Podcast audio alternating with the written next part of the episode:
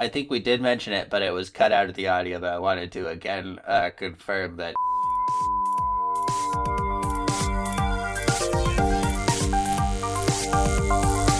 Well, I'm not a crook.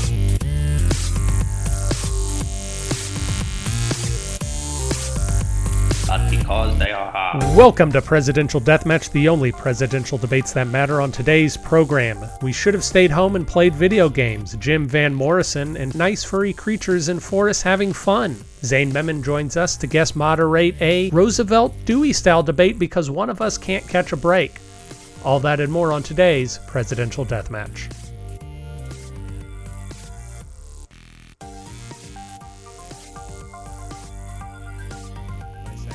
We're back in the morning, Dennis. Back in the morning. Back in the morning. We decided What- it went well, so we just took it to the nth degree. It did. We went an hour and a half earlier in the morning. And Dennis, I have to say, I think last week's argument was your best was your best debate performance yet. Thank you. Yeah, it was very clever. It was funny. It was sharp. Like I, I had no, I had no defenses against your argument last week. Um, well, and uh, it didn't end up mattering at all because then Bush one came in and just completely obliterated the opponent. Now you say that we're gonna go to the polls a little early.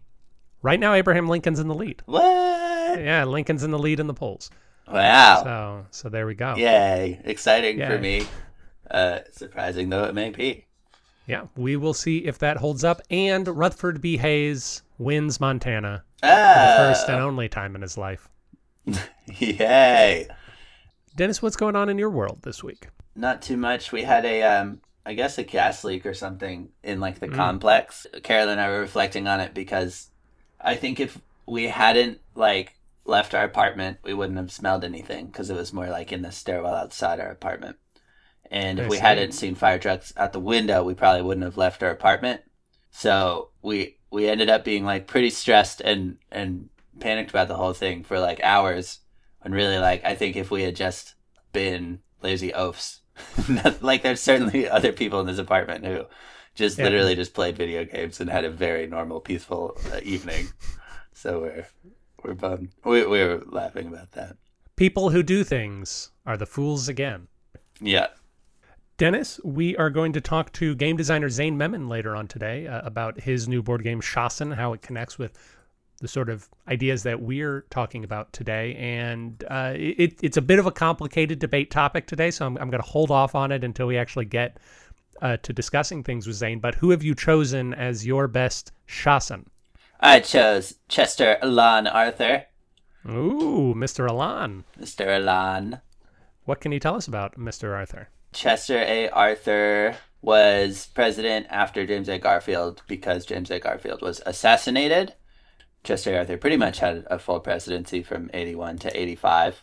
But he, he Yeah. didn't get the full Tyler, but he was pretty high up there. The full time, yeah, true, yeah, yeah, second, second only to, to John Tyler. He was a stalwart Republican, and so in the Reconstruction times, um, the political parties were a little bit of a mess because no one cared about the Democrats anymore because the Civil War had been won. So then the Republicans kind of formed two different ideologies. Um, so when you look at the, um, like when you just look at the political parties after the, after Lincoln, it's just Republican, Republican, Republican, Republican, Republican. It was also like a little bit of an ideological um, difference in a lot of the people coming through. And Chester A. Arthur was very much like Union Army, like kind of thing, uh, is the sense that I get. That was kind of like the the driving vibe. And so one of the big things with that was that like he and his people believed in nepotism, kind of cronyism. Yeah, well, that that was something that was very big in all of American politics up until that point. If you recall, judicial review is a direct result of a nepotism case from John Adams to Thomas Jefferson. Judicial review. Yeah. Mr. John Marshall, the, the thing that lets the Supreme Ah. Court do what the Supreme Court does is called judicial review. And that Right. arose after uh, a complicated, we've discussed it before, Right, right. mail. Yeah, yeah, and so he, um, yeah, so so he was kind of like, I, um, I'm now forgetting the exact term for it that makes it sound like something legitimate. But But, uh, patronage. Yeah, patronage Is the word you're looking for. It is indeed. Yeah, and then spoils system, I guess the other term people use, but patronage, which the term they were using. Um, but yeah, the the great irony of it was that Garfield was very much the other direction, meritocracy and everything else. So um, Chester A. Arthur very much lived in this world of patronage and trying to make patronage the thing, and being super in the Ulysses S. Grant universe and everything. But then Garfield gets assassinated, and then Chester A. Arthur um, realized that he should support the other direction because it was the way that things were going that the American people wanted, and it was what Garfield would have been into. So he he said in his in one of his like kind of State of the Union speeches that that we should do it, and then he signed a bill into law. So went from being the guy on one side to signing the Pendleton Act. One of my favorite acts, the Pendleton Act. It's a it's a big one. Yeah. It's one I brought up many times. Although, well, we'll probably save for attractions next week. Oh, there you go. The the only other thing. Oh, two things that I was like, I don't think these will come up later, so I'll bring them up now. One is we we talked about this briefly in another po- episode, but um, uh, birther conspiracy Yeah, yeah, yeah. uh, came one up. One of my favorites. yeah, during his campaign for when he was vice president or campaigning, you know, with Garfield, and it was that he uh, was born in Ireland, um, which is so weird because if the guy had just said that he was born in Canada, I feel like he could have gotten a maybe gotten subtraction because. Like he honestly maybe was born in Canada. Like he's from like northern Vermont, upstate New York, but like his parents were Canadian, like uh, for a long period. So like he really you really could like I feel like convince someone that he was born in Canada. But instead he went on this Ireland thing and delegitimized himself as like just a conspiracy theorist and then after no one believed him, then tried to start a Canada birther conspiracy. But everyone was like, I dude, said, man, we, we got it. you just said the thing about Ireland. So we you clearly don't know. So I thought that was funny. And then the other thing is that he lived in Greenwich for a good stretch, which people from Greenwich uh, were in my school district from East Greenwich. Oh, lovely. Well, I am talking today about Woodrow Wilson, the 28th U.S. president, as Dennis learned last week, the only president from New Jersey. He was governor of New Jersey. He's the only, oddly enough, I looked up past professions of presidents sometime recent, and despite the fact that Woodrow Wilson was the president of Princeton, he was never a teacher. So, although he's the only person to have uh, been an academic, he was not a teacher, which I think says everything that there is to say about Woodrow Wilson and why I dislike him so much. But uh, he was he won the election of 1912. He is uh, one of the people responsible for breaking that Republican dominance that Dennis just talked about following the Civil War. He was one of two Democrats elected after the Civil War. He was the second one, I should say, elected president after the Civil War. He won with a lower share of the vote than any, I believe, any other president in history because with the possible exception of John Quincy Adams, because Theodore Roosevelt and William Taft were splitting the Republican vote that year. He governed as a progressive Democrat in a similar way that Roosevelt governed as a progressive Republican. He was big into changing uh, government and uh, turning government into what we would now call a technocracy. Dennis, do you know what technocracy means? Uh, we've talked about it before. The uh, I feel like I if I do get it, it won't be very elegant. I see. Uh, technocracy is rule by experts. He's saying that we should hire experts in order to make rules for us Yeah, uh, because the world is complicated. yeah. The, it's the one that that you identified that I am arguably very pro that. Yes, when we were yes. when we were mining my my my whole The the old hat party. That is correct. I am against it. Uh, we can discuss that at a later date if we would like to. I saw that it's an advanced rule in this game that we're talking about. Today. Yeah, that's true. Uh, Mr. Woodrow Wilson suffered a stroke while he was president, leading to a number of things. Number one, uh, people alleging that he should have resigned and let his vice president, Thomas Marshall, become president. Number two, that people can perhaps say that his wife, Edith Wilson, was the real president during that time. And number three, although he sought a third term as president because of his stroke, which he had been suffering from a stroke addled body for several years, the Democrats denied him a third term, and he was a bit sour about that.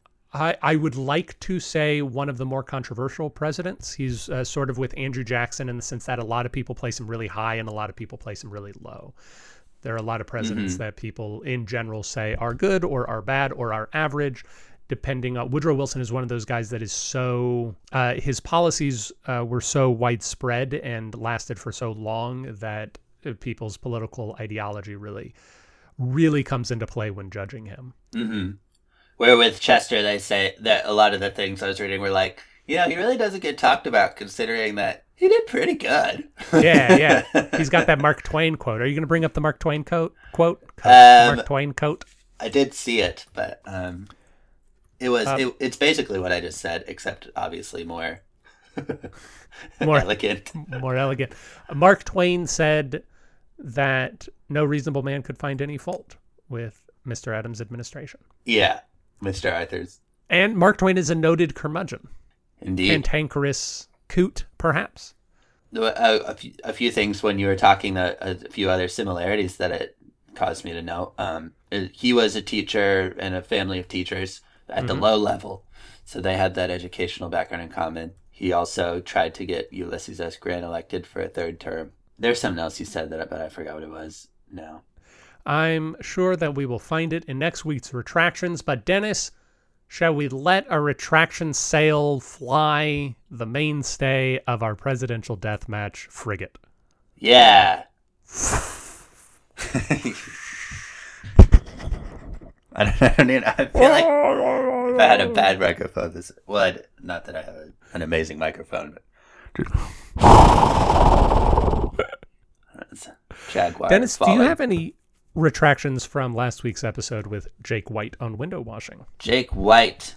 Yeah, uh, one thing that happened behind the scenes last episode that I wanted to tell you about was that he, you were talking about the Barenaked Ladies song about window washing, and then he said, "I think there's a Van Morrison song." I think Van Morrison is the do- is the lead singer of the Doors. So I, while we were talking, I googled window washing the Doors. It's And- Jim Morrison, if I'm Oh, not that's- mistaken.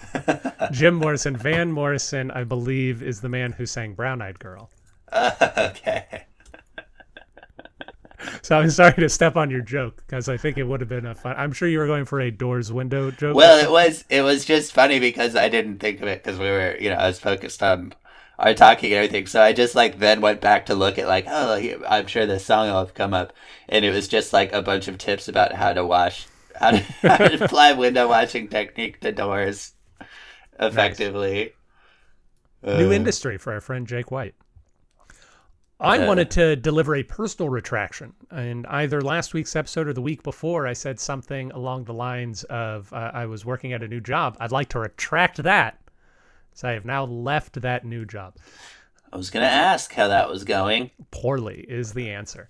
Oh man, I'm Very sorry. poorly. It Well- happens. I'm I'm I'm glad that a decision was able to happen quickly. Yes, that is true. I also wanted to say that I went and looked up the videos of the window washing World Cup, which, uh, of course, Jake suggested, and it is awesome. First, I highly recommend. He is not. He's not kidding about that S formation. It's very clean. It's very good. I like it a lot. In the last event held, which was 2019, because uh, of course COVID shut down not just our lives, but also the window cleaning World Cup. A an American, Jeremiah Hickey, took the gold, and he is quoted as saying, "It's different windows to what I'm used to, a different technique." So I'm really surprised. That's awesome. Indeed, he won with 17.02 seconds. It took him to clean three windows. The world record, Dennis. How long do you think is the world record for cleaning three office-style windows In the least amount of time. in the least amount of time? Seven and a half seconds. It's very close. 9.14 seconds. 9.1. Terry Dang. Turbo Burrows from Essex currently holds the world championship. Jake's probably listening right now. It's like, I can't believe you said seven. Are you Wow. crazy? What are we, machines? But you'll do, you'll get there, Jake. You'll get there. I believe that Jake can boy, big do anything. Y- Yeah, the problem is at these window washing world championships, they don't suspend you from a harness. You're on the ground, and I don't think he's as interested in washing windows on the ground. But Jake, if you're listening, please write in and tell us whether you have aspirations of going to the window washing World Cup. That would be that would be a great. I feel like then you could really like televise it on a major channel if you if you put them on harnesses. That's true. And they had to swing around if it was like a Japanese game show. Dennis, let's pull up the retraction anchor and sail away. Mark Twain. Thank you. It's a naval term. Hello, welcome back. Dennis and I are here with Zain Memon, who is the designer of Shasn, a political board game. Is it fair to call it a political board game? Do you prefer it being called something else? Uh, a political board game. I was a was and or am, depending on whether these things continue. I was a Kickstarter backer of Shasn. I received it about a month and a half ago. I've played it several times. Really enjoy it, and I thought that it uh, really connected to what Dennis and I do here, although perhaps more cynically. But Zain, thank you for being on the program with us today. Thank you for having me, uh, Aaron, Dennis. It's, it's a pleasure talking to you. So we want to talk to you about uh, to just like really quickly showcase why uh, why we want to talk about the game today. Besides the fact that I I think it's an amazingly fun and unique game uh, and led to a lot of interesting conversation when I've played it with people. Um, is that there's a lot of personality from politicians in the game Shasn, and and what Dennis and I like to focus on on this podcast are the characters and stories of people in uh, history, specific, usually American politics. Um, but before we get into that, do you want to briefly describe the the game as a, as a game, like when you're trying to tell people what Shasn is about? Uh, so Shasana is a, po- a political strategy game where you are just in the middle of an election campaign, uh, trying to come out victorious. The game uh, has five campaigns as of now, and uh, you can swap out whatever you like. So there's uh, American politics, there's American politics, there's Indian politics, there is uh, Brexit. We also have Rome 40 BCE and the future 2040. Uh, the idea was to create a sandbox of, for, for political conversations. What Shasn does is in it uses your political platform and your political opinion as the main fundamental engine building component of, of the game. And so the game uh, the game uh, seg- segues between or keeps switching between political opinion and area control. Uh, the idea of the idea for the game is if you were put in the position of power, if you were uh, if you were given the reins or an opportunity or a shot at the throne, would you uh, would you stay true to your ideals or would you crumble under the pressure of uh, of the electoral mandates? Yeah. Which is something that I think that the game does amazingly. I was going to bring it up a, a little bit later, but this is a, a fantastic time to talk about it because you just brought it up. Is that uh, you, like you say, it's using your political opinion. You're asked a question at the beginning of your mm-hmm. turn. You answer that question, and based on your answer, you get a, resources that you use to do other things. And when we were playing, it wasn't that hard at the table to figure out which answer would lead to which resources mm-hmm. And so uh, like my wife who was playing with me uh, very much tried to stick to her guns and she found herself lacking in uh, clout specifically. She found herself lacking certain resources whereas uh, myself and one of my other friends uh, like almost immediately started just drilling down to okay i need media attention right now. What is the answer that's going to give me media attention and how can i do that? And uh, I, I think that sort of emergent gameplay is, is really wonderful because it puts you in a role playing position. Um, and is that the is that idea the uh, like the cornerstone of Shasn? Is that where you began when you wanted to design this game, or did that just kind of happen through design? Oh, I would definitely uh, one of the fundamental uh, building blocks. Uh, Shasn is not uh, is not it's not a it's not a study of any one political personality or one event in uh, in in political history. It's it's an exercise in understanding the larger system at play. The system that uh, most of us can agree on is broken. Uh, Shasn thrusts you in the middle of the system, tells you, shows you its flaws in, in all their glory, and asks you, uh, is it the politicians who we point fingers at? At are they are they the only ones to blame, or is the larger system something that we need to we need to reconsider, we need to talk about, we need to repair? So th- these were the the the ideas we wanted to push out there. Uh, it started off again. I I I'll just uh, go with the flow. It, it started off with this film we made a few years ago called An Insignificant Man.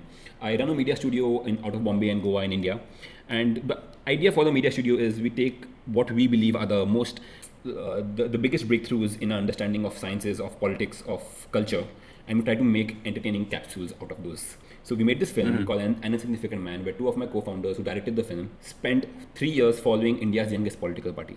They had oh. complete access behind closed doors to see what's happening. So apart from our academic understanding of modern politics, we also got a very strong first-hand uh, window into modern politics. That led to two things. One, it led to a very, very deep understanding of how things, uh, why things uh, function the way they do, and also a, a, sense of responsibility that the conversation around politics is not over. This film was just the icebreaker for us as a studio.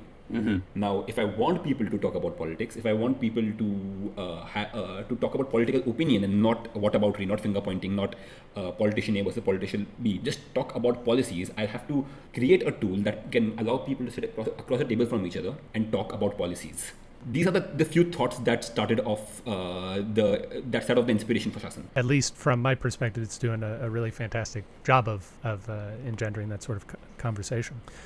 Uh, why a board game specifically? Is it uh, to for that social nature of it? Definitely. Uh, if I and you so when I start again, we don't as a studio we don't prescribe the format. We say okay, pick the story you want to say it, do your research, and say it in the best possible way uh, mm-hmm. We have made films, we have made virtual reality, we have made a bunch of things over the last decade, and uh, graphic novels. We have, we have played across all the formats that uh, that we, we personally enjoy and can create. Uh, we knew that if I had if we had to create political conversation, it can't be it could it had to be interactive. It couldn't be mm-hmm. passive like a film, and two, it had to be in person. If digital political conversations would have solved could allow for healthy conversation, Twitter would have solved it.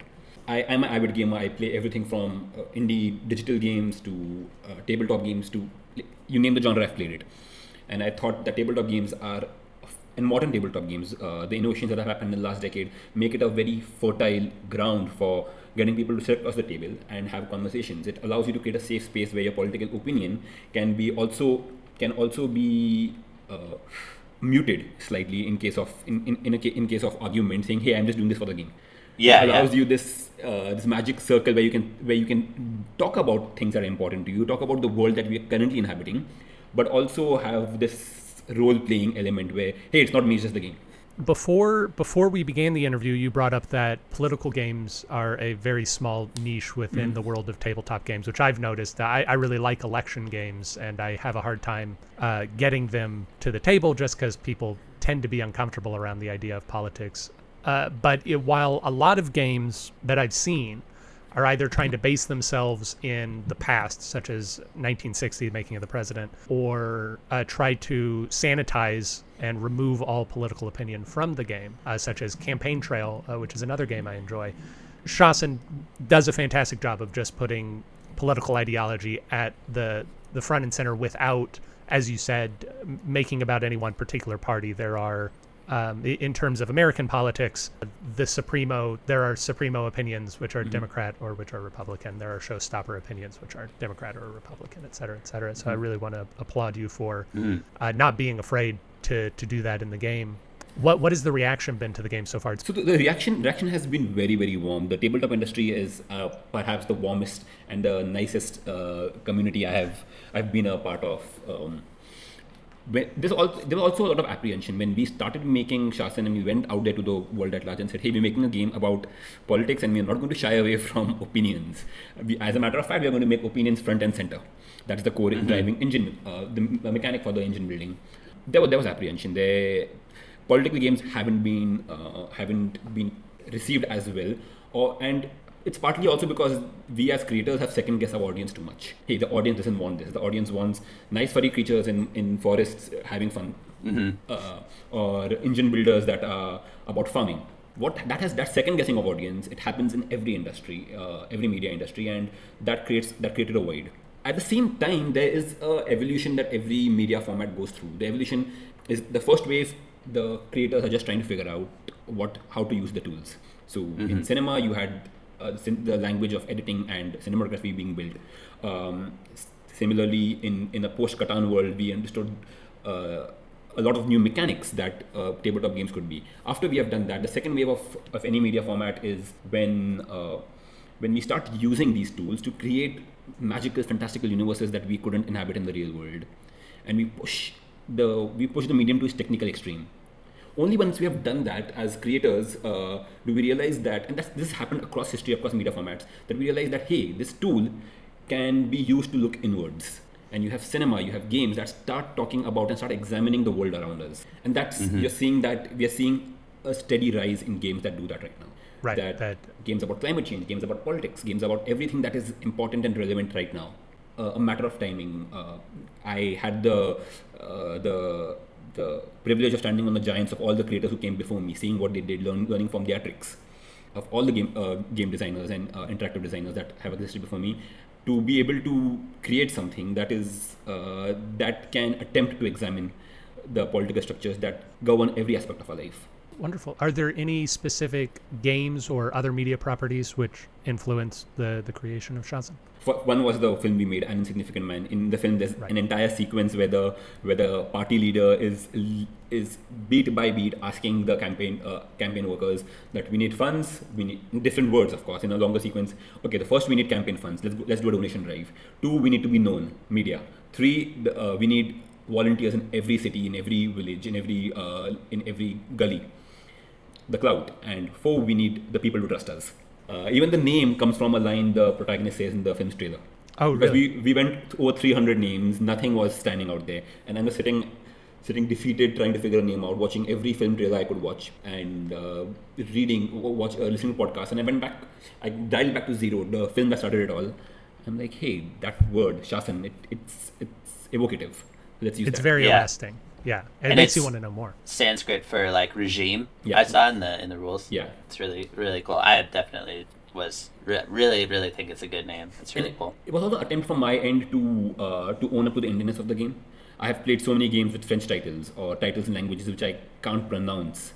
Uh, and I think uh, one sixth of the world's population, which comes from India, needs to occupy its space in the cultural uh, conversation, which we don't do as well. Our our exports in the last uh, hundred years of, of modern communication or, or modern culture have been just reduced to Bollywood, and uh, I think it's uh, I think the global South needs to be more vocal and talk about things uh, at large. So, as you mentioned earlier, there are multiple campaigns in the game because you're being asked a variety of questions. Uh, I, I assume because the impetus for the game came from your film that you began wanting to talk about Indian politics. Um, when do you decide to also include the uh, either American campaign, the Brexit campaign, and specifically the Roman campaign? Where does uh, why why choose Rome? So when we started designing the game, it took us a few weeks to make the first major prototype. Uh, it's the image I've put in the last update I put out. It's it's uh, it's hand drawn uh, rudimentary paper prototype. It's around that time when we realized that hey the the policies and the questions are replaceable and we can use this as an engine for political conversation. And uh, since uh, we wanted to definitely uh, put India front and center, but since the US was our largest audience base, or so we anticipated, we said, hey, the US deck has to be the next deck out there. Uh, the reason we put the Rome and the future deck was to was talk about two things. One, that political systems have had have had similar flaws, similar drawbacks, sim- have have inspired similar personalities across the ages. There has been there has been a great uh, evolution in political conversation over the last uh, uh, few, thousand years, and it's also important to understand where we came from and where we are headed because the politic uh, we are at not an inflection point. The next 20 years, the next 50 years. Uh, will not only define the fate of the species, but also the fate of the so the uh, the, the solar system at large. And we need to start talking about those things. Climate change is not uh, is, there's no pro- is is happening we are living in the middle of a climate catastrophe right now. Uh, so we need to pull ourselves out and uh, look at the future and look at the past to see where we're coming from, where we're going. At the same time, it becomes very difficult for a lot of players to talk about current politics. So what I have noticed is a lot of players in the first or second playthrough uh, don't play the India deck or the US deck. They go back to Rome or they start in the future to have some sense of suspension of disbelief and uh, say, hey, it's just a game, let's start a little light. But it al- also allows me a foot in the door. After they've played those decks th- three or four times, they are they're going to be a little uh, enticed into picking up the American deck or the Indian deck Yeah. and talk about things that really, really matter. Yeah, that's awesome. You mentioned the personalities, and the personalities are, of course, a very strong driver w- within the game. Uh, so we have the capitalist, the supremo, the showstopper, and the idealist. That's what Dennis and I will be debating about later on today. Where do those four? uh, How do you boil down to those four, uh, where do those four come from? Uh, the idealists and the resources evolved simultaneously. We wanted to have a wide gamut of uh, political opinion in the game without necessarily allowing people to uh, to split them across party lines.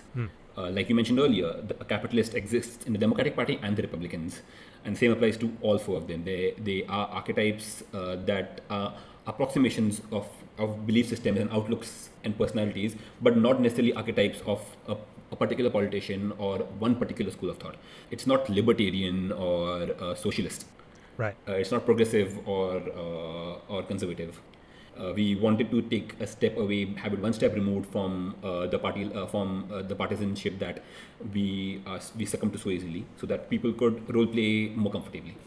So we started off with the resources. Uh, it was the most we renamed, rethought the resources multiple times. Had to also pick terminology that translated across um, across geographies. The working title for the game, for example, was manifesto, uh, because what you call a platform, we call a manifesto back home, uh, and you're building a manifesto as the game goes on. But when I started workshopping the game in the uh, in the in the US and started playtesting, I realized that uh, the Cold War has led to a complete scrubbing of uh, any uh, jargon or any terminology that even remotely uh, uh, touches base or, or uh, alludes to communism. Yeah, yeah, Yeah, Most we're people didn't know very- what, what a manifesto was. Gun Yeah. shy about it. yeah. I'm like, hey, so people didn't know what a, manifest, what, what a manifesto was. Uh, goodwill translated differently in India and in the US. Trust was earlier called goodwill, and clout was called cadre. It's called what? Cadre, C A D R E. Okay. Uh, okay. Yeah. Because makes that's sense. terminology that we use very frequently in India, but we had to then workshop and come up with something that was uh, that translated and translated well across geographies. Yeah, Clout is the one that I was um, just in like reading through and getting a sense of, of the gameplay because I didn't get a chance to play it with Aaron yet. But uh, yeah, the the Clout was the one that was I was most curious about, and it's interesting to hear you say that like building up your team seems to be a big part of that one. Getting volunteers and getting and have actually being a, a leader to some degree. Would you say that's a good translation of that one? It is uh, also uh, uh, the the Supremo is also pro status quo. That makes sense. That makes Uh, sense. so Supremo is, is is playing to the majoritarian sentiment and and uh, and using that sentiment and using the status quo to to pull people towards their cause. Dennis, do you have uh, more questions about Shasn? Well, I think it's interesting what you say about the evolution of, of the medium because um, all the other thing looking through it and getting a sense is I was really, really excited about the satirical nature of it. That's also combined with um, like there being a lot of elements to it, but it seems like gameplay wouldn't be that hard to pick up, even though there's a lot of moving pieces because uh, it's pretty straightforward what you have to do in any one moment. And in that, those things remind me of Monopoly in a lot of ways, where Monopoly came out of nowhere as this thing that was really just built to be extremely critical of capitalism, put you in the seat of the actual system of play there, and then is seems like it really evolved through uh, criticism of the different um, or evolved through giving you the pieces that you need and then getting to a place where it feels really simple even though when you actually zoom out Monopoly's got a lot of different things on the board um, but everyone knows how to play it after just after just giving it one go. So it's, it's circular in that way too where I feel like that the medium's coming back around you know you, you brought it back to something that's very core to what is great about tabletop games I think too. And tabletop games have this beautiful ability to get people to put their phones away and just talk to each other. Yeah. Uh, Yeah. That is also one of the problems with modern, with, uh, with how we deal with modern politics. We we either fight with the people we disagree with, or if they're people we love and we disagree with them, we choose not to bring the topics up very often. By we, I mean most of us, or a lot of us. Of course, there are one. There, there's so many of us that that uh, excel at having ni- uh, great positive conversation, but at large, we need to have these conversations more often. Everything is political. Even choosing to be apolitical is a political choice. Zain, earlier you said that uh, at least part of the reason for bringing up the Rome deck is to show that we have had these problems and these inefficiencies, structural problems in our government for a very long time. On your Twitter, you describe yourself as a rationalist and an optimist, and you uh, say that you wanted to create this game to create conversation. So, do you think that there is room moving forward in the future uh, to fix a lot of these problems, or are we are we stuck with uh, these these four ideologues and just need to find ways to to balance them to do the least harm? I, I like like like my Twitter bio says I'm an optimist. I think we are far from stuck. Uh, the the only thing I am a little apprehensive about uh, that we need to uh, uh, create actionable points or, or, create good impact on is climate change. On uh, on other fronts, I think I think we, we are living in the we are already living in the best of times. Uh, there is violence. There is there is a lot of hatred, but it's it's a lot better than where we have been as a species. And uh, if we just figure climate change out, I think everything else is repairable. Everything else is just a matter of time. And uh, th- there are there are people at work across the world trying to solve the problems that I I am only doing the, the small task of pointing uh, a torch on. Uh, but I, I, think this problem is solvable, and we need we just need to get our priorities right as a, as a species. I keep I, I've said this a couple of times before, but uh, the problem in modern politics is that the ambition uh, is non-zero sum. Uh, but the but the path to uh, that ambition is is highly zero sum, uh, and uh, that's something we need to examine. That's something we need to talk about and uh, and and repair. Uh, we sure. need to understand. we need to understand who the who the who the stakeholders are. We need to understand how everything from lobbying to uh, to viral social media tweets uh, change the fabric of our nation uh, and the world at large. Uh, the, the, the, the, the, the, small problem with modern technology is that the technology is the tools reach us before the policy to how to on how to use the tool reaches us.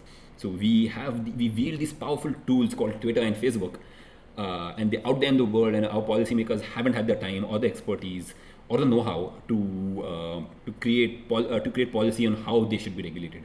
For for a decade for Twitter being around, no one was marking fake uh, fake news as tweets on tweets. Right. So we need to uh, embrace the technology around us because it will help us solve problems. But only if we embrace it and start talking about the policy uh, decisions around big tech, around big media, in a very very active way. And also sharing the burden of th fixing things like climate change and facing how sort of industrial avarice exactly generates uh, that problem. Uh, as a species, we haven't evolved to think in, in hundred-year timelines. Uh, in in the time in the times we evolved, uh, living to forty was was a big deal. So uh, we don't know how to think long term, and that's something that needs to be taught to children. We need to start thinking about the species, the planet, the ecosystem in hundred-year, two hundred-year timeline, timelines, and not just the Wall Street uh, quarterly returns timeline that we are so used to thinking of.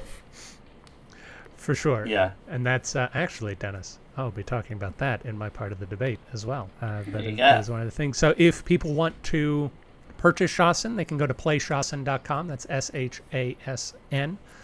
And if people wanted to see an insignificant man, where could they do that? It's on YouTube.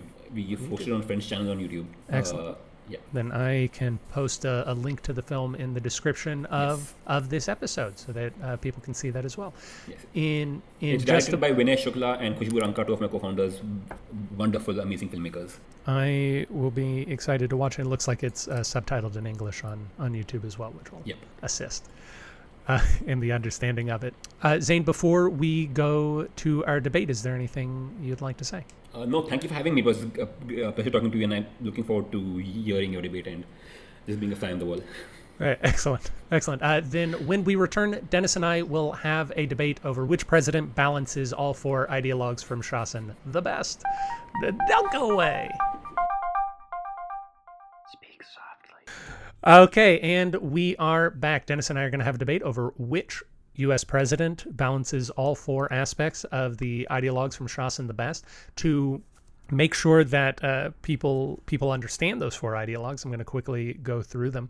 Uh, they are the capitalist, and the capitalist seems to have a, a strong belief in markets, and the capitalist gives you access to funds. That is the primary resource of the capitalist.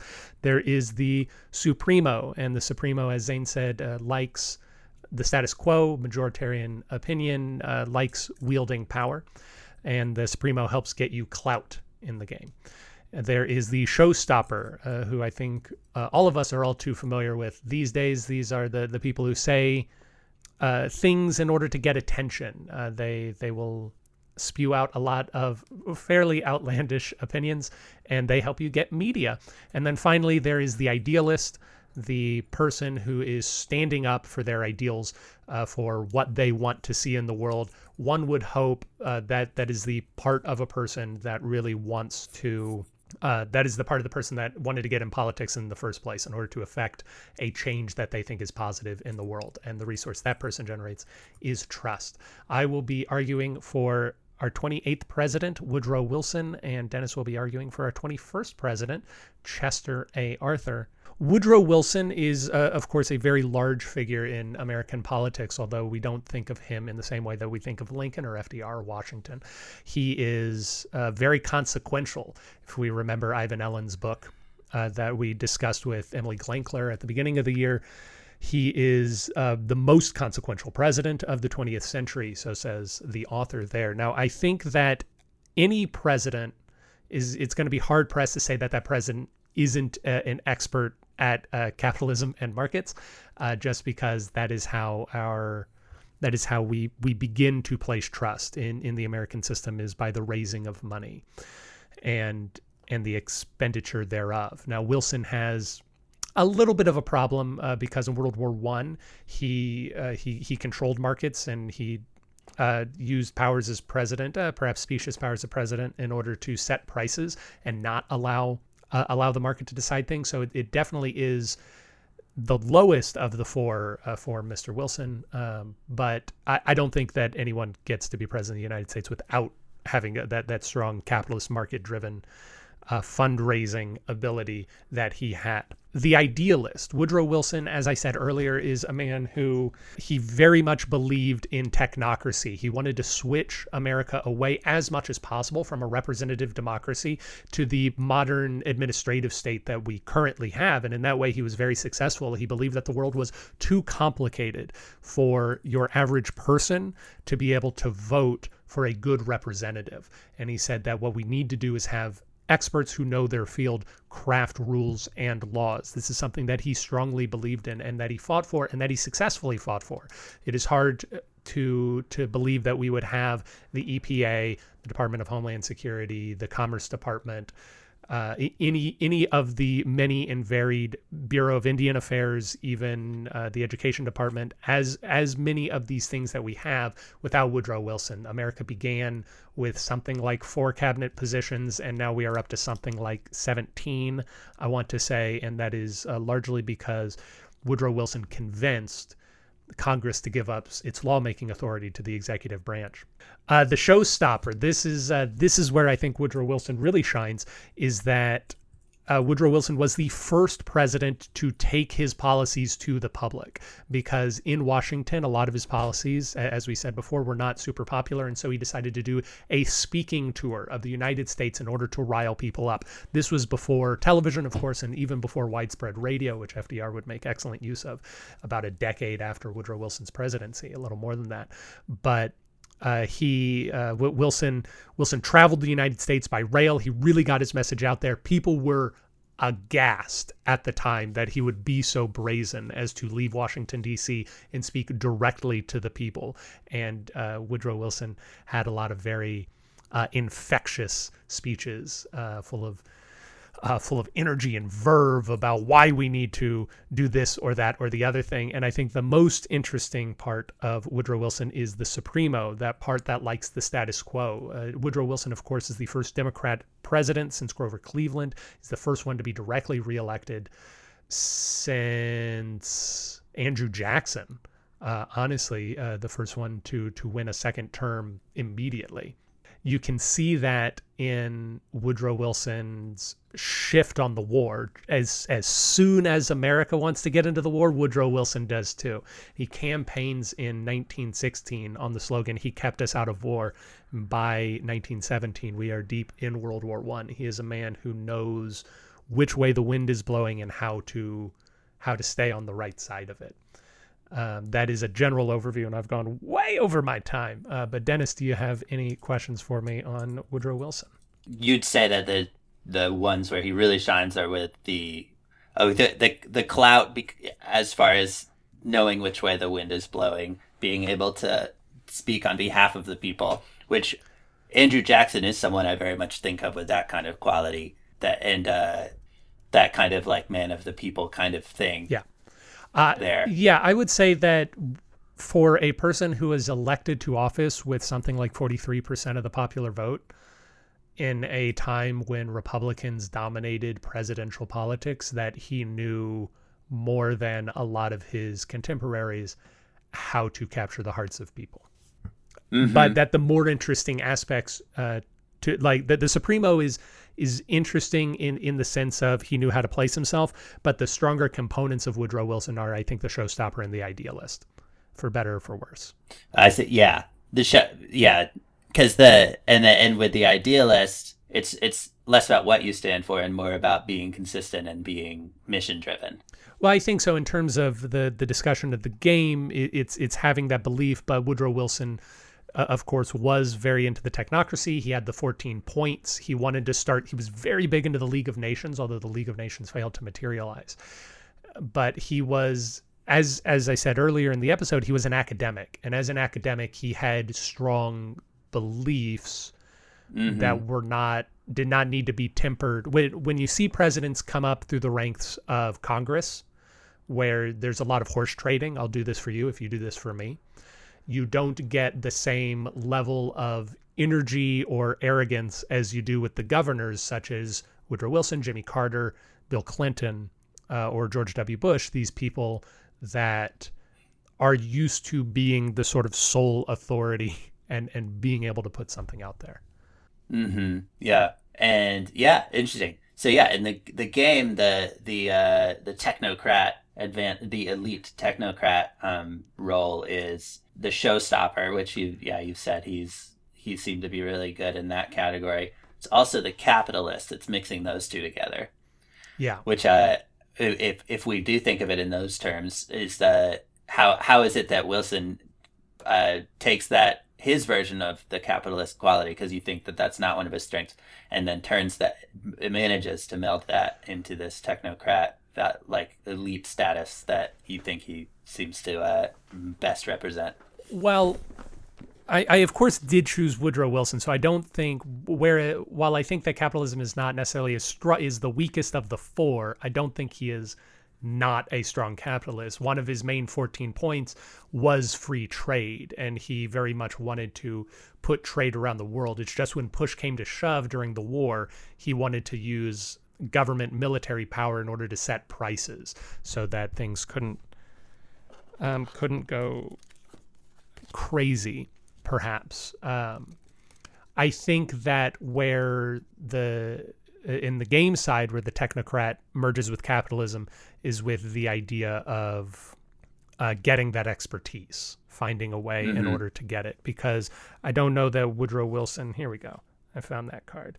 I don't know that what Woodrow Wilson would see as a technocrat is what we would see as a technocrat because in Woodrow Wilson's day, it would have been engineers who are implying the infrastructure. There was a very interesting um, quote, and I'm not going to know the whole thing. It was from somebody somewhere at some time, but it uh, it was something to the effect that during my grandparents' generation, the content of things didn't really change, but the infrastructure changed quite a lot. And that in these days, our infrastructure isn't changing a lot, but our content is changing a lot. So Woodrow Wilson's day would have prioritized sort of the Carolyn Coopers of the world, uh, the engineers who are building our railway stations and who are finding ways to, to connect people via phone lines. Uh, whereas the technocrats of our day are people who are on the forefront of AI technology and um, utilizing processes in order to to improve things. It's probably where I'd be if I was forced to answer the question you just asked. 14 points it's a lot of points that's very uh, i work at a university kind of Yeah. kind of campaign Yeah, that's a guy who doesn't have an editor. yeah but then sure. you say he is good at this media thing Well, at the don't know. time, at the time, you know. See, see, you're doing a speech, and you don't want to do a speech around three points because he, you're driving people out to a town hall. It's the medium, Dennis. He's not on cable news. If he was on cable news, he'd get those 14 points down to like number eight. Alsace-Lorraine should be returned to France. That'd be cut uh, if he had to Yeah. go on on CNN and argue about it. But he doesn't have to. He's packing people into uh, the the VW hall. so he wasn't good at raising funds but he was good at taking control of Oh no, he, he he was good at raising funds too, but in Oh, the in I, I don't know if that's what the the capitalists about in the world of the game. Like they they do want the money, but the the speech. I mean, maybe we could ask Zain. Zain, how how do you view the capitalist? If you don't mind jumping in. So the capitalist is uh, uh, fundamentally someone who is pro-industry, pro-business. Uh, uh, every every politician within the Shasn universe definitely needs all four resources to survive. It's based, it's what he prioritizes over the others. Do you look at initiatives that are more uh, for the for the greater good than than just for industry? Excellent. Yeah. Yeah. In in which case, of those four, capitalism is the lowest for Mr. Wilson, but still quite high. Right. He's he's a Democrat. Yeah. Well, but And he's he a he's a pre nineteen sixties Democrat. They're a different breed. for Yeah. Sure. Uh, any more questions about Mr. Wilson, Dennis? Uh, and progressive. Yeah, progressive in the sense that he wants government more involved in your life, which is similar to the way that we use the word progressive today, um, but but not entirely. Right now, progressive also tends to um, promote certain policy positions, whereas the classical definition of progressive, uh, we would we yeah we would probably say that Donald Trump was a progressive Republican in the sense of the classical definition of it whereas we would say someone like Mitt Romney is a conservative Republican. Or we would say the the uh, the idea of progressivism is just they want government more involved in your life Mm-hmm. and less involved. Change, Yeah, depending, depending. progress. Would you like to tell us about uh, Mr. Mr. Arthur? Yeah. So Chester A. Arthur, I I would think Zain listening wouldn't know him. Uh, I don't know if you would have known Woodrow Wilson either, but uh, Chester A. Arthur is definitely one of the less known ones, even here, that people would would not necessarily recognize his name. But he was um, in about 15 years after the Civil War, so um, still very much the aftermath of ending slavery and having such an intense war in the U.S. Um, and he was very involved in the war as a quartermaster. So basically, he was in in New York. He was sending people. Uh, he was enlisting people. He was figuring out how to get which troops where, and he was really really good at it. Um, it was something he'd volunteered to do before there was a war, but thought that everyone thought that was kind of just something that you said you would do. It was like, uh, you know, I'm on call. But then the Civil War happened, and he was like, oh, I guess I'm doing this. And he was really um, good at it. So then a couple times he said, all right, send me out uh, to, to the front lines. And they were like, no, we're, we're to let you just keep doing this because I don't think anyone else is to be able to get as many troops active as you um, in New York. In doing that, uh, he developed a lot of good political connections um, and everything else. He was already pretty uh, involved as a Republican um, in New York, and so was interested in that political sphere. Um, and so, and that got him a lot of those connections and a lot of the uh, recognition. I think down the line as someone who was um, effective, but also as as someone who knew a lot of people. So I think I think that who you know factor that would come into um, clout, that would come into the showstopper element. I think could come from there. Um, but then as the uh, the fun side of it, I think is one where where he does well is is in terms of having all that money because uh, be, being very involved with the Republican Party. Grant Ulysses S. Grant, who was right after Lincoln, uh, well, right after the person who was after Lincoln because of Lincoln being assassinated. So the first person elected after Lincoln was Grant, and he was the guy who really won the war. He was the the Union general, but he was pretty corrupt and definitely electing people that he knew, and there was a number of issues that came up during that time. One of them was with this collector role in the port of New York. So after a couple of issues there, uh, Chester A. Arthur ended up taking that over and was able to restore it to something that was fairly uh, crisis free. Only after some more issues came up where he made a whole lot of money, uh, but he managed to maintain his reputation um, fairly well despite that, and then was it allowed those changes uh, to happen to make it a less ridiculous role. But um, still, in the process, he made he made a whole lot of dough. So uh, good good at getting that that money, I think, but also um, was able to recognize the status quo changing there and uh, get behind it when it had to happen. And I think on in those terms, the thing that he really did was interesting was when he was president, um, which happened also from an assassination um, President Garfield was assassinated, and then Chester A. Arthur was the vice president, took over. He was Garfield was very progressive as a Republican, whereas Arthur was not. And one of the one of the big things um, that was a topic of conversation was civil service reform. So keeping people from just choosing their friends to be in all of the roles of government um, in a more official uh, way. And so a bill came up, which we were talking about earlier, the Pendleton Act, and he ended up requesting that it be put up as president, even though it was the antithesis of everything that he'd been behind for his whole career. Um, but he recognized that the times had changed and uh, and decided, you know, I need to be behind this, and and I'm taking over for a president who would have been behind it, and uh, it's time it's time to just let the the status quo take over here and and do what what makes sense. So I think that's a really interesting example of how, on the one hand, he was an idealist who had a very straightforward ideology through his whole time and got into politics for that reason, super anti slavery, but also conservative Republican. But then by the time that he became president, he also was able to recognize when he needed to let the status quo take over. So he, I think he did a good job of balancing those two qualities. I'm perhaps going to take issue with some of the the facts that you have presented here in this argument, and I will I will see if I can dismantle dismantle it one by one, Dennis. uh, so I'm going to try and attack each each pillar. So we're going to begin with the capitalist. So uh, your your general argument was that he was uh, he reformed the the Port of New York and in his role as collector, uh, if if I'm not mistaken, that that is what you had said. Well, I, I think the former point is that he he made a whole bunch of money there, right. so he was good at finding a role where he was going to be in control of a lot of funds. So with what Zain said, whereas the capitalist is uh, big into business and encouraging business, I'm going to point towards uh, number one, the fact that he in, had a lot of graft during his uh, time as collector of New York, and in fact, that is why he was fired from that position by President Rutherford B. Hayes.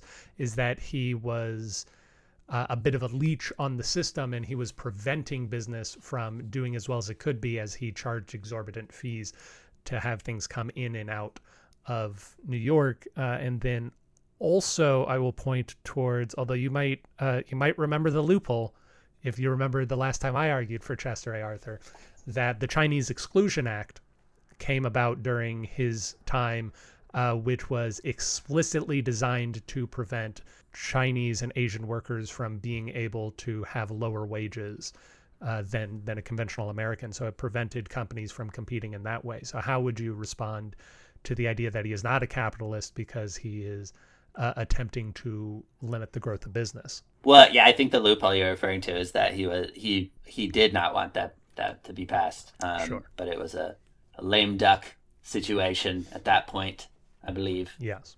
Yes. Um, but yeah, but he and, and yeah, I guess zooming out and pointing to just him being a, a Republican um, and a stalwart, I think um, to some degree, I feel like e- even at that time that that did mean pro business, pro industry. Progressive Republicans that came shortly after him started to get into the trust busting and making sure all that was happening. But he was really at peak. Let those railroads reign. Okay. Let, he he was let that letting that uh, letting that go.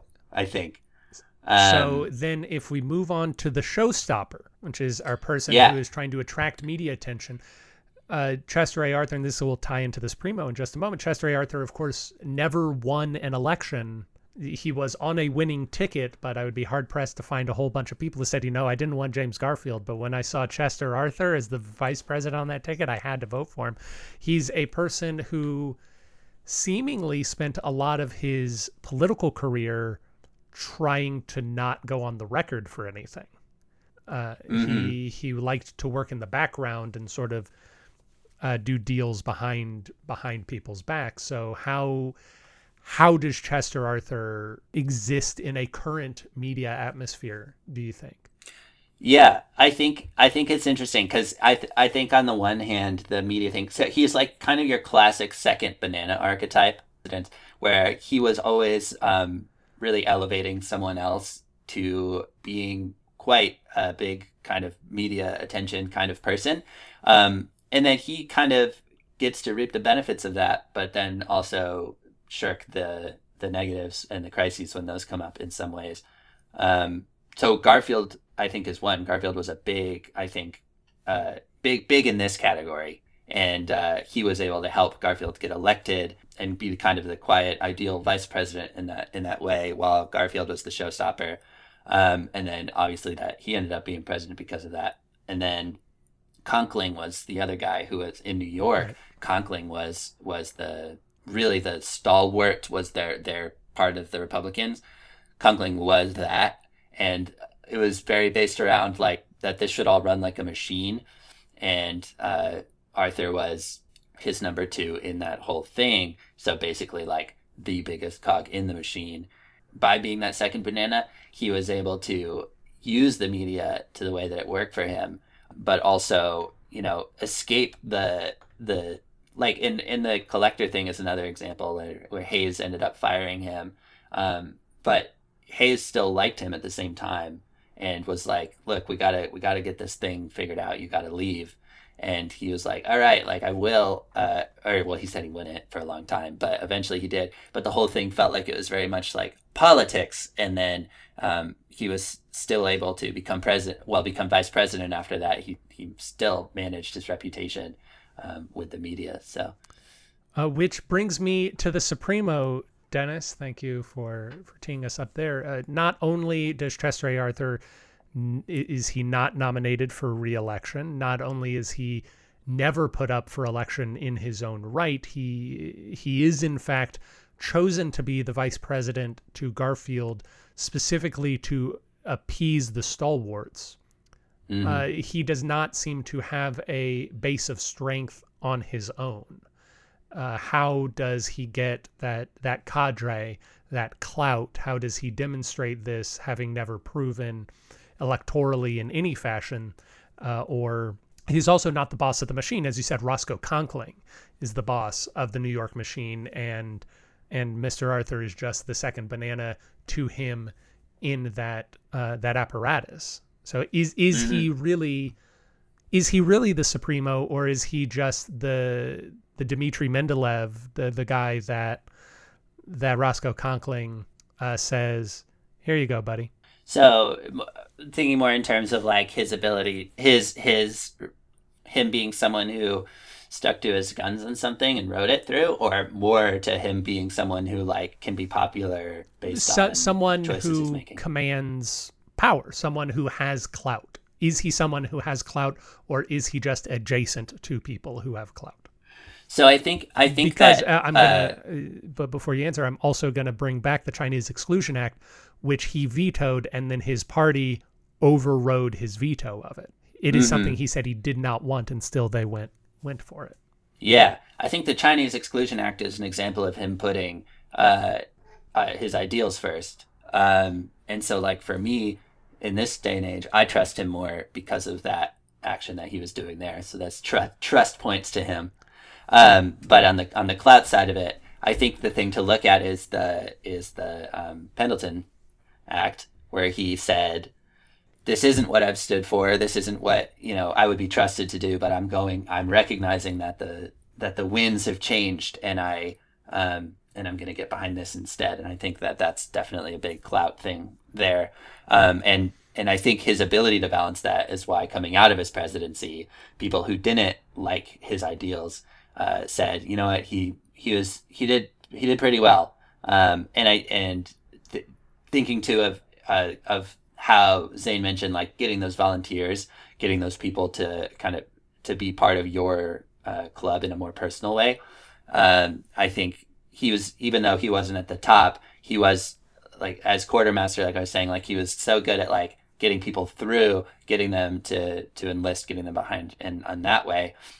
And he was so involved as a Republican just because he wanted to be and he believed in the cause that I think on a personal level he was always someone who had the I guess the trust of the people around him, but he had that community of people that wanted to elevate him. Excellent, thank you, Dennis. We are we are coming to the end of our time, and we've held our guest for a little bit too long. So instead of asking you about the idealist, who you've already uh, put forth a proactive defense for, uh, although I might very quickly say that I think Chester A. Arthur is a man with very few ideals. Uh, let us talk about our People's Party candidate, who is, of course, the Republican successor to Chester A. Arthur, Benjamin Harrison. Benjamin Harrison. Benjamin Harrison. So very quickly, uh, Benjamin Harrison, where he where he fits, he he certainly uh, was was big business. Uh, he was a very pro business Republican who uh, presided over the first billion dollar budget of of the United States. Uh, but as a guy, I don't he certainly doesn't command a lot of uh, attention at the forefront of our minds right now. He lost the popular vote both times that he ran for president, so it's hard to say that he has the majoritarian opinion on his side. He was a man known as the human iceberg for being very quiet and uncomfortable, so I doubt that we can say that he was an effective showstopper. Uh, and apart from wanting the Republicans to continue dominance and admittedly uh, being very very pro black people uh, he had few ideals and even fewer ideals that he saw forth in legislation dennis do you uh, do you want to say anything in support of of benjamin harrison being the true the true chieftain here mm. well i feel like him ending up being president even though he lost the popular vote speaks to probably the capitalist uh, side of it, especially because he was taking over from a Democrat, taking back over as a Republican. It's also something uh, very in keeping with the game, the the actual game, the ability uh, to to win the game without having the uh, without having the the most amount of anything on the board. Yeah, yeah, that is such a great element. Um, that it's like nine districts, the majority in a district. You're done at that point. You can move on to the next district. Um, it's really really smart. Yeah. So the capitalism piece, uh, I feel like pro industry, all that, um, and I feel like that was the that was the ideals that he needed at that time. But I guess yeah, I mean losing the popular vote doesn't speak well to his his clout or his media Savvy. qualities. Indeed. Well, uh, those listening, you can vote on who you think balances the four ideologues the best, either Woodrow Wilson, Chester A. Arthur, or Benjamin Harrison at the link in the description below. Uh, Zain, thank you for joining us today. Thank you for having me. It was so much fun. I didn't know much about the about American presidential history, but it was super fun to listen in on. Oh well, I'm I'm very glad. Uh, we we we hope to make it enjoyable for people. Uh, you can find the game Shasn at playshasn.com. That is P L A Y S H A S N com. You can watch Zain's film An Insignificant Man on YouTube. I will put a link to that below. And if you want to follow Zain more specifically, he is at Zain Memon underscore on Twitter. Uh, until yeah, thanks. Yeah, thank you. And until next week, uh, we are going to go away, and you will see us again next week. That is what will happen. I really need to get better at saying. Thank you for listening to Presidential Deathmatch. Presidential Deathmatch is a production of Pronoia Theater. You can find more out about us at pronoiatheater.com. This program was edited by Aaron Garrett with music by Dennis Buddy and hosted by those same two lovable goofballs. You can always email us at contact at pronoiatheater.com. If you enjoyed the program, we ask that you rate and review wherever it is you found us. It really helps us out. And if you didn't like the program, why don't you stick around? We really grow on you.